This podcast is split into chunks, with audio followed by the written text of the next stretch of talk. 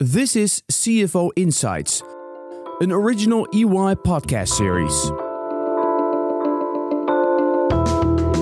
Uh, so, Siobhan, we just had a chat with Henry Schirmer, the CFO of Randstad. It was a great chat. What are your first thoughts? I mean, the first thing that struck me, and one of the reasons we asked him really, was the, the remarkable bounce back Randstad had after really suffering during the first stages of COVID. They've come back remarkably well. Yeah, they did. Uh, and it was interesting to hear his thoughts on that and how calm he stayed during that period and how he navigated Randstad through that. A couple of other things that struck me was as he talked about his Finance Forward program, the way the focus on talent that's really quite exceptional and quite different to other companies. And the comment he made to us, Frank, that you know if he had another hundred thousand euros, he'd spend it on people, not technology. Yeah, that was remarkable. Yeah. Because most of the times people would pick the other side, the technology side. I agree. So it was a, a, a very different response from him there. And I think interesting for our listeners to hear about the why behind that. Yeah.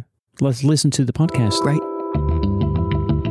Look, Henry, you've been at Randstad for the last three years, and before that, you held various CFO roles at Unilever. When you approached for this role, what attracted you to the role of being the CFO of Randstad? Oh, yeah, very good question. So, definitely to become uh, the CFO of an AEX listed company, that was definitely something uh, always aspired to to, uh, to become. And uh, when the opportunity uh, was offered, then that there was there was a first thought. The second one, then I started to engage with Randstad. And uh, little did I know what kind of purpose driven company it is. So as soon as I started engaging, I watched a little um, YouTube video from Frits Goldschmeding where he explained probably in a in an eight minute video or so what uh, what was driving him to set up the company and uh, what what was driving him as a person to do it. And I I found that very very compelling. So that uh, that hooked me.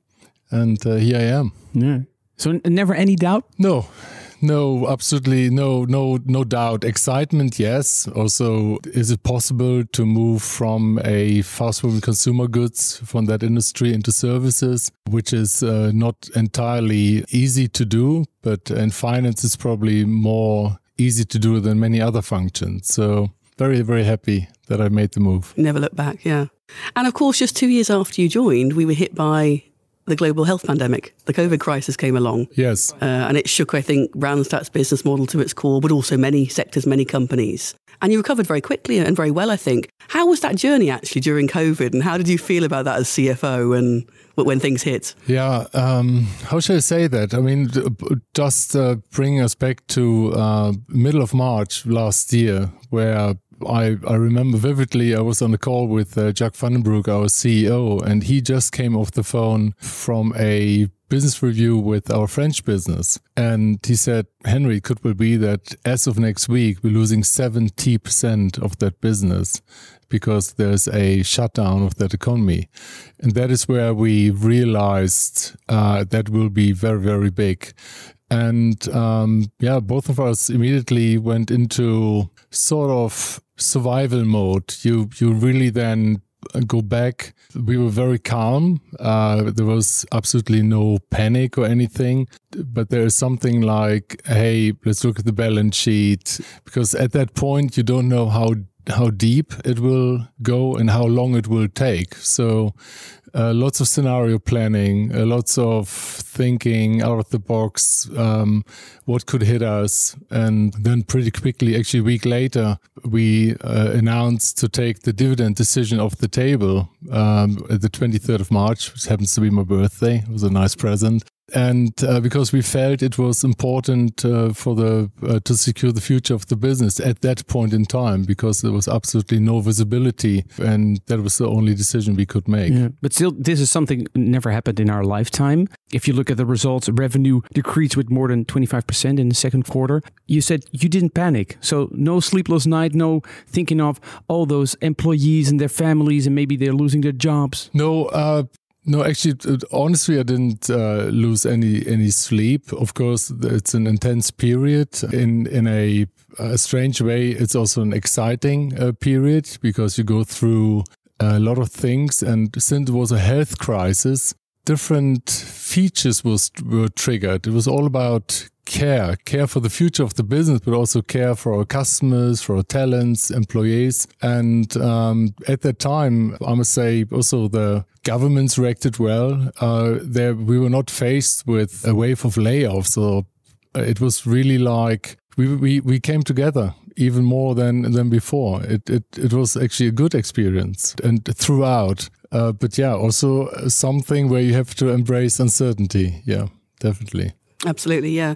And if we look you know, to the future, Henry, so this is where we're currently in right now. If we look, you know, everyone's talking about this idea of the CFO role changing, the finance function changing, the CFO becoming a chief value officer.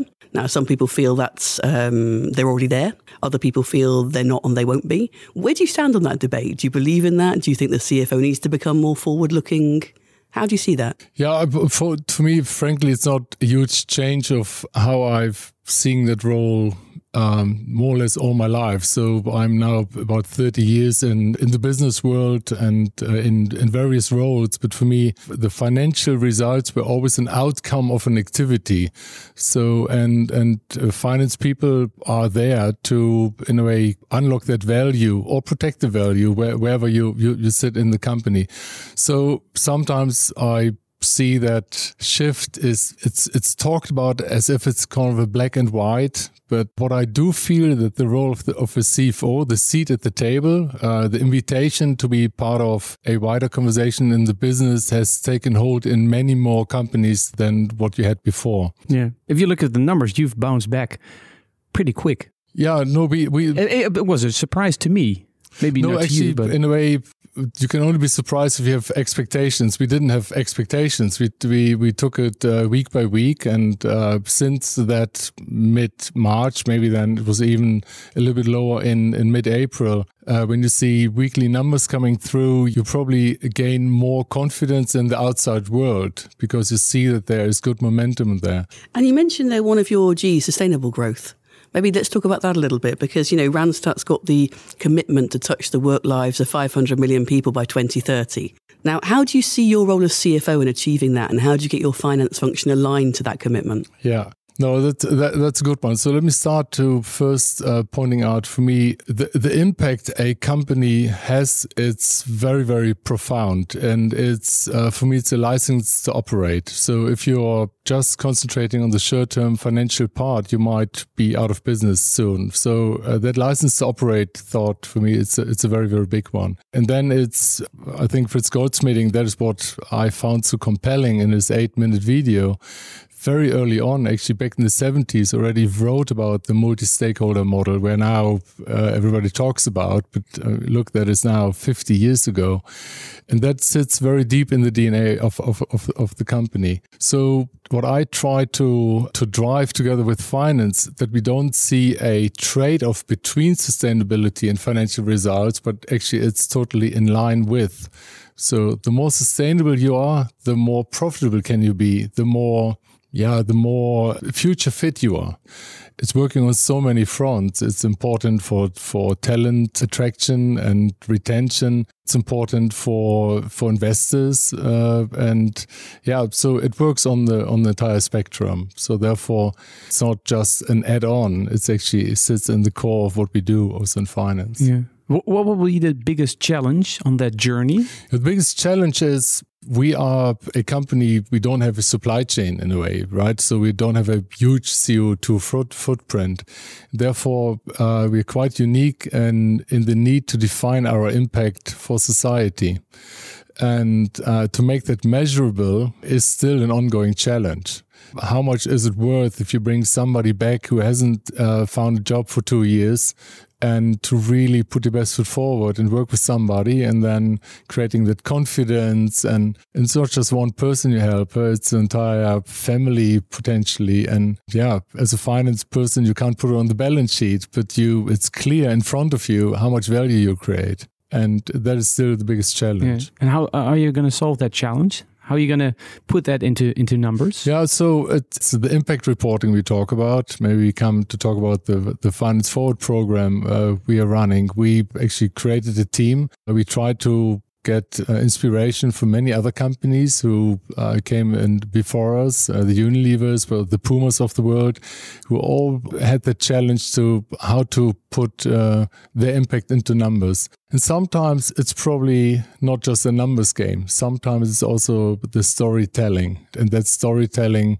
backed up by going from anecdotal to structure to say, look, how many people did you help, and what what are your structures you're creating to making sure that uh, that that impact is a truly sustainable effort. Yeah, there's something hard for finance people who like to have spreadsheets and but it's fun and it's uh, there's many people who want to be part of it. And what do you do? I mean, it's an interesting question. This what you, around measuring, etc. We're very used to that as finance folks, aren't we? What do you do if those kind of targets aren't met? How do you deal with that then, Henry? Um, I think if as soon as we met our targets, we are probably not stretching ourselves too much. I think it's it's healthy to formulate an ambition where you always feel you come a little bit short because that is where you're stretching you, yourself. And uh, I can never imagine that we, I don't know, uh, arrive at 2030 and say, "Hooray, we've made it! Uh, 500 million touched," and then job done. Of course, it doesn't work like that. So I think I've I'm comfortable with the fact that we are stretching ourselves. Uh, towards a goal, uh, we need to hold ourselves accountable. That we not start believing our own uh, stories, but that it, it's it's really structured and objectively um, sort of signed off, also by by by the outside world. But yeah, then it's I I I'm not losing sleep over and not making that goal exactly, but uh, it's more the shooting for the stars and then landing uh, on the moon and then defining the next part of the journey. And given we're talking about the future now, Henry, you mentioned the 2030 ambition and commitment. Let's talk about Finance Forward. You referred to that. Um, you've got this very ambitious program you're starting up. We've been talking about it now for about a year, you and I. Talk, talk the listeners maybe through that and what the ambitions and the goals are of that program. Yeah, yeah, so uh, uh, for for the listeners, we talk about uh, what we call the Finance Forward program, which is a, a program in finance to create yeah, world class capabilities uh, for the finance function. And why is that important? Uh, I think first of all, uh, you need to find a vehicle to energize uh, about 2,000 finance people in, in Randstad and, and uh, try to formulate an exciting ambition. Uh, people uh, where everybody has a chance to find uh, uh, himself, herself in that journey, and it's it has a a, a few foundations. So uh, a foundation is uh, looking into the organization of the finance function. How do we want to organize ourselves? I personally believe a lot in in the concept of moments that matter. You want to be as a finance person in a uh, uh, in a moment where decisions are being made or decisions are being prepared to influence for the better. But maybe going back on the foundations of the program, so organization and how to how you organize the value proposition of uh, of finance, talent in general is is a huge important uh, part so uh, defining how you want to create um, exciting journeys for your talents, uh, how to really put your best foot forward to attract the best talents in the in the marketplace. It's uh, don't want again talk about too much about the war for talent. I think it's an overused term, but there's a lot of uh, stuff around uh, talent which is I, I, I truly believe makes all the difference. And uh, that is part of that journey uh, of that program. Then there is a big part about data driven finance, how to create a more objective, more holistic, more impactful uh, decision making um, environment uh, through uh, data that can only work when you also look at your finance systems. And as many companies who grow organically uh, over many, many years, uh, those finance systems, they're not all sort of singing and dancing together. So therefore, it's time to also have a look and create a vision for the system, uh, systems environment we have uh, going forward. So, so it's a mix of, of people, values, and technologies. Yeah. Yeah, actually, uh, if I if try to formulate it even, even more simple for me, there's a business partnering uh, part, there is a uh, unlocking value, protecting value part, and there's a connecting to the future part. Uh, also where finance can play a role, uh, defining new business models, uh, defining the, the, new taxonomies we need, data structures, etc., etc. But they can only do that, I think, Henry, if they're spending time on the right things and the value-adding activities, and that's where your point to think about maybe refreshing certain systems comes in. And if you look at technology, I mean, there's so much about right now where we're still being bombarded with technologies. Is there anything you're particularly excited around? Any, any one piece, one thing you really want to achieve with this program? Now, for, for me, it, it's still. Uh, there's we can all be super super intelligent and super smart and creating huge insight if we don't not be able to transport that insight into the business to create that impact uh, i think i would very much uh, if i had that one extra say 100,000 euros investment, I would invest into uh, into the quality of people and training of our future uh, talent to uh, use technology. But there's not a, a particular piece of technology which I don't know. It's a silver bullet of all of all uh, things. Combination of many, and that's yeah. one thing that really strikes me about you in particular, Henry, in your program, the focus on talent. That really is a, a, to a top priority for you. How do you see the talent evolving in the finance function? Do you think you'll need different skill sets in the future? Um, how do you see the role of maybe a more traditional finance person? Because all this can be quite intimidating for a more traditional finance person. Yeah, I think there's there's place for everybody. So there's that the true uh, belief into diversity and inclusion and on, on all fronts. So I love talent which has uh, spikes, we call. So I've, uh, I don't know, outrageously good in something and then uh, it, it, it's good enough. You just concentrate and, and have that person work uh, somewhere where he or she's feeling totally at home and and and working the, the, the magic. So there's no need that all finance talent needs to be good on all those uh, things. But there are a few uh, uh, I think a few attributes I really believe in. So embracing the future is really something. It's very very important, and uh, also uh, uh, embracing uncertainty in a way. The world doesn't work linear anymore. It's not just you do a budget and then you report the, the deviations against the budget, etc. It's much more scenario planning. What could happen, and then driving agility uh, to substitute for knowing what's going to happen and that that uh, requires a certain personality that you can live with that. Not not everybody is really uh, good in that. Then there is uh, of course integrity goes with, with, without saying. And then and integrity in a mix with courage sometimes you need to also be uh, courageous in telling as it is. Uh, that is where uh, where the difference is being made. Uh, but ideally, do do that in an emotional, intelligent way. If you do it, then there's I don't know, total mayhem around you is also not not so good. So the emotional intelligence, the courage, uh, the embracing uncertainty, um, but then of course um, really, really uh, good analytical firepower is always good because the world is complex and to see patterns in that complexity, uh, simplifying it, uh, telling a story to bring people along. It's uh, it's it's it's a lot of uh, it's it's very much needed into the future. Yeah, it's a, it's a long list. No, it's not so long. It's embracing uh, uncertainty. You have to be socially equipped. You have to be very analytical.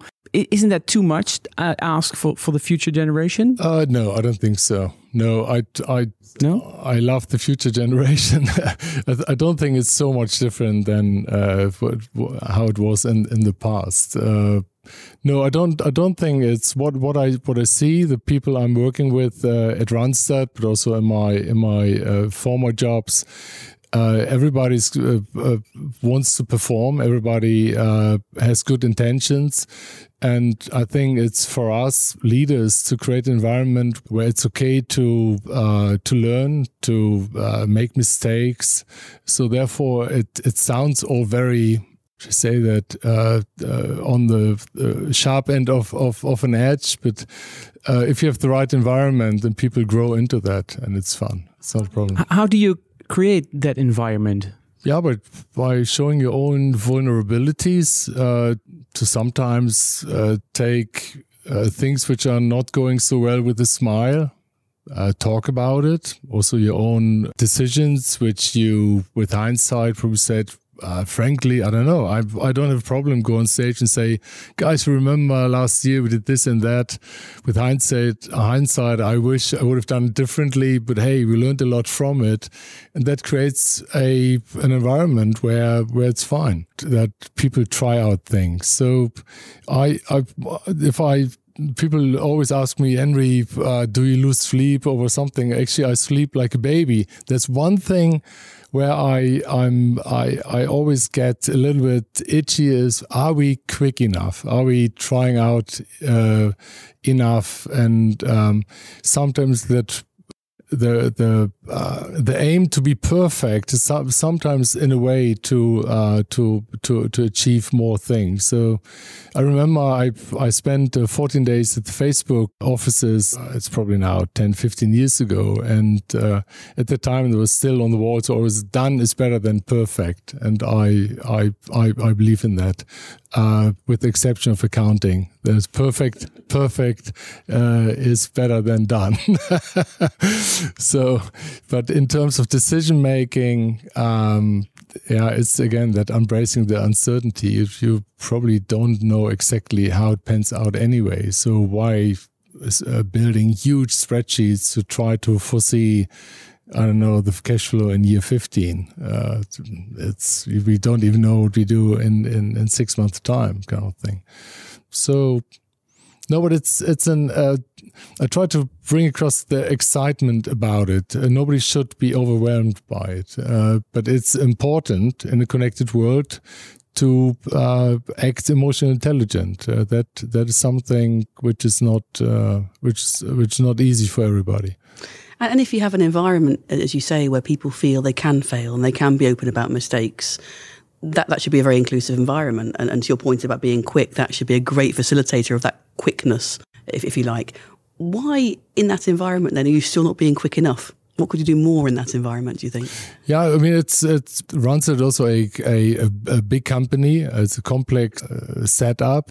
It's just the nature of, of, of the beast, and you need to uh, you need to align a lot of people to achieve something. Uh, we also have a matrix uh, at work, believe it or not, and uh, sometimes you just need to embrace that that that complexity. And um, yeah it's it's probably just also uh, the nature of how I think. Uh, maybe if even if we would be twice as uh, as fast I would probably still believe it's not fast enough. It's probably also uh, the engine which which gives me energy and drive uh, forward just just to round off, then maybe look. Um, you mentioned at the start, Henry, uh, you watched that video on YouTube of Frits Goldschmidt, and that was really dis- decisive in your decision to join Randstad.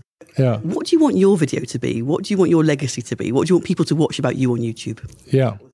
Oh, that's a, that's a good question. So yeah, I've I always say when it should all all be about people and talent and uh, opportunities uh, people got and uh, the trust they hopefully felt in decisions.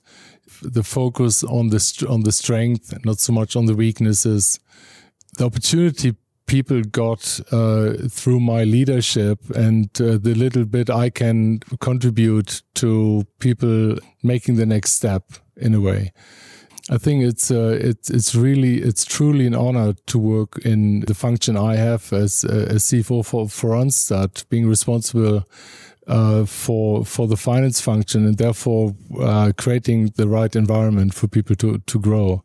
And at a certain point in time, um, uh, I probably look back and say, "Have I done enough?" And then I'd like to say yeah, maybe it's not so much the margin you were driving or the financial result that is also, of course, very, very important. But what really sticks over many, many years is probably uh, the opportunities to, to give to, to people. No, thanks. Look, look, Henry, as always, it's been a delight. Um, I think one, a couple of things that stood out for me really on the talent side and the way you want to touch people and uh, and create that inclusive environment. And I think that's one thing that stands out also versus other companies, other CFOs that I think we can really learn from today. So, so th- thank you for your time. Thank you. No, thank you. Yeah. Thanks for the, thanks for the opportunity. So, if you enjoyed this podcast, please do listen to other episodes in our series for some CFO insights. My name's Siobhan Tipping. I lead EY's CFO consulting practice in the Netherlands. Thanks for listening. Goodbye.